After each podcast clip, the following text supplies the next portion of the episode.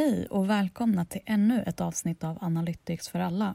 Innan jag går in på själva ämnet idag så tänkte jag förklara lite kort vad just maskininlärning innebär och hur det fungerar.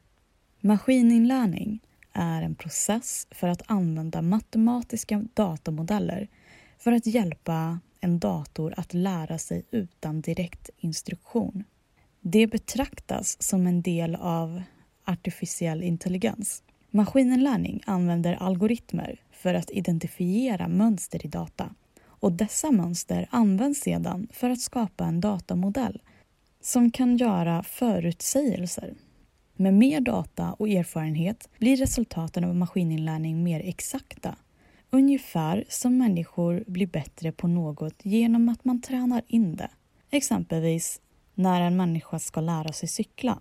Ju mer man tränar, desto bättre blir man. Möjligheten att anpassa maskininlärningen gör den till ett bra val i scenarier där data är ständigt föränderlig. Och i detta fallet är det datingappar. Men nu tycker jag att vi kickar igång det här avsnittet.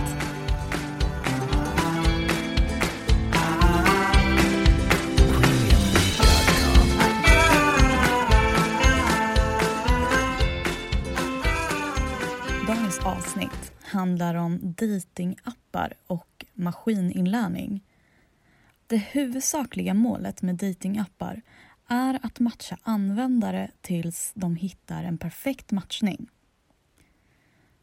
För ett antal år sedan var processen inte lika avancerad som den är idag. Om vi exempelvis tar Badoo, som kanske en del känner till.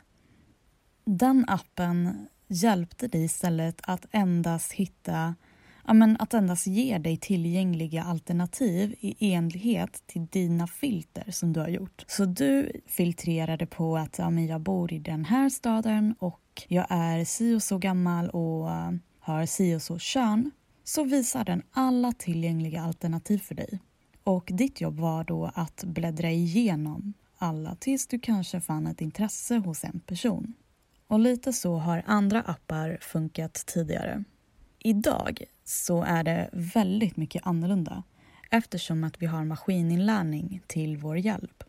Och genom att använda maskininlärning i dejtingapparnas algoritm så gör utvecklarna matchningsprocessen mycket mer avancerad och man har ju hört en del vänner och kollegor som faktiskt har lyckats hitta en match med en person från en dejtingsapp. Och det har oftast varit genom att den personen har filtrerat extremt noga samtidigt som appen har anpassat sig utefter din aktivitet.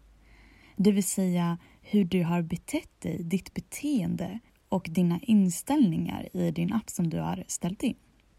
Så genom maskininlärning nu så analyserar tekniken ditt tidigare beteende och tidigare inställning samt din aktivitet i appen. Vilket gör att om du väljer att klicka på en del profiler bara för att ja, men ta en titt och sen gå vidare så kommer den tekniken att spara det här för att kunna hitta intresserade profiler som liknar det du redan har varit inne på och kikat. Och hur härligt vore det inte att kunna hitta en perfekt match på kanske bara några dagar istället för att sitta och scrolla i evigheter? Ju mer data användare lämnar ut om dig själv, desto mer vet tekniken om dig och därigenom kan hitta matchningar. Det som också är väldigt spännande är att ditt sätt att visa dina känslor på i meddelanden exempelvis är också någonting som tas, som tas in och analyseras för att vidare kunna hitta en person som är på den känslomässiga nivån du är på. Så algoritmen kan enkelt beräkna din känslonivå och matcha dig med en person som har samma känslomål. Eftersom dagens samhälle hela tiden blir mer digitaliserat så blir då också dejtningsprocessen en del av det. Genom att vi kan använda sådan avancerad teknik så är det alltså möjligt att kunna hjälpa en person att hitta dens blivande partner. Vilket i mina öron är helt fantastiskt och väldigt häftigt att kunna göra. Innan jag avslutar podden nu så tänkte jag berätta att inför nästkommande avsnitt så kommer vi gästas av en person. Och han heter Niklas Silverström. Niklas är grundare till ett företag som heter Northlink där han arbetar med just maskininlärning och big data. Så det kommer bli ett väldigt intressant och spännande avsnitt. Stay tuned tills dess. Ta hand om varandra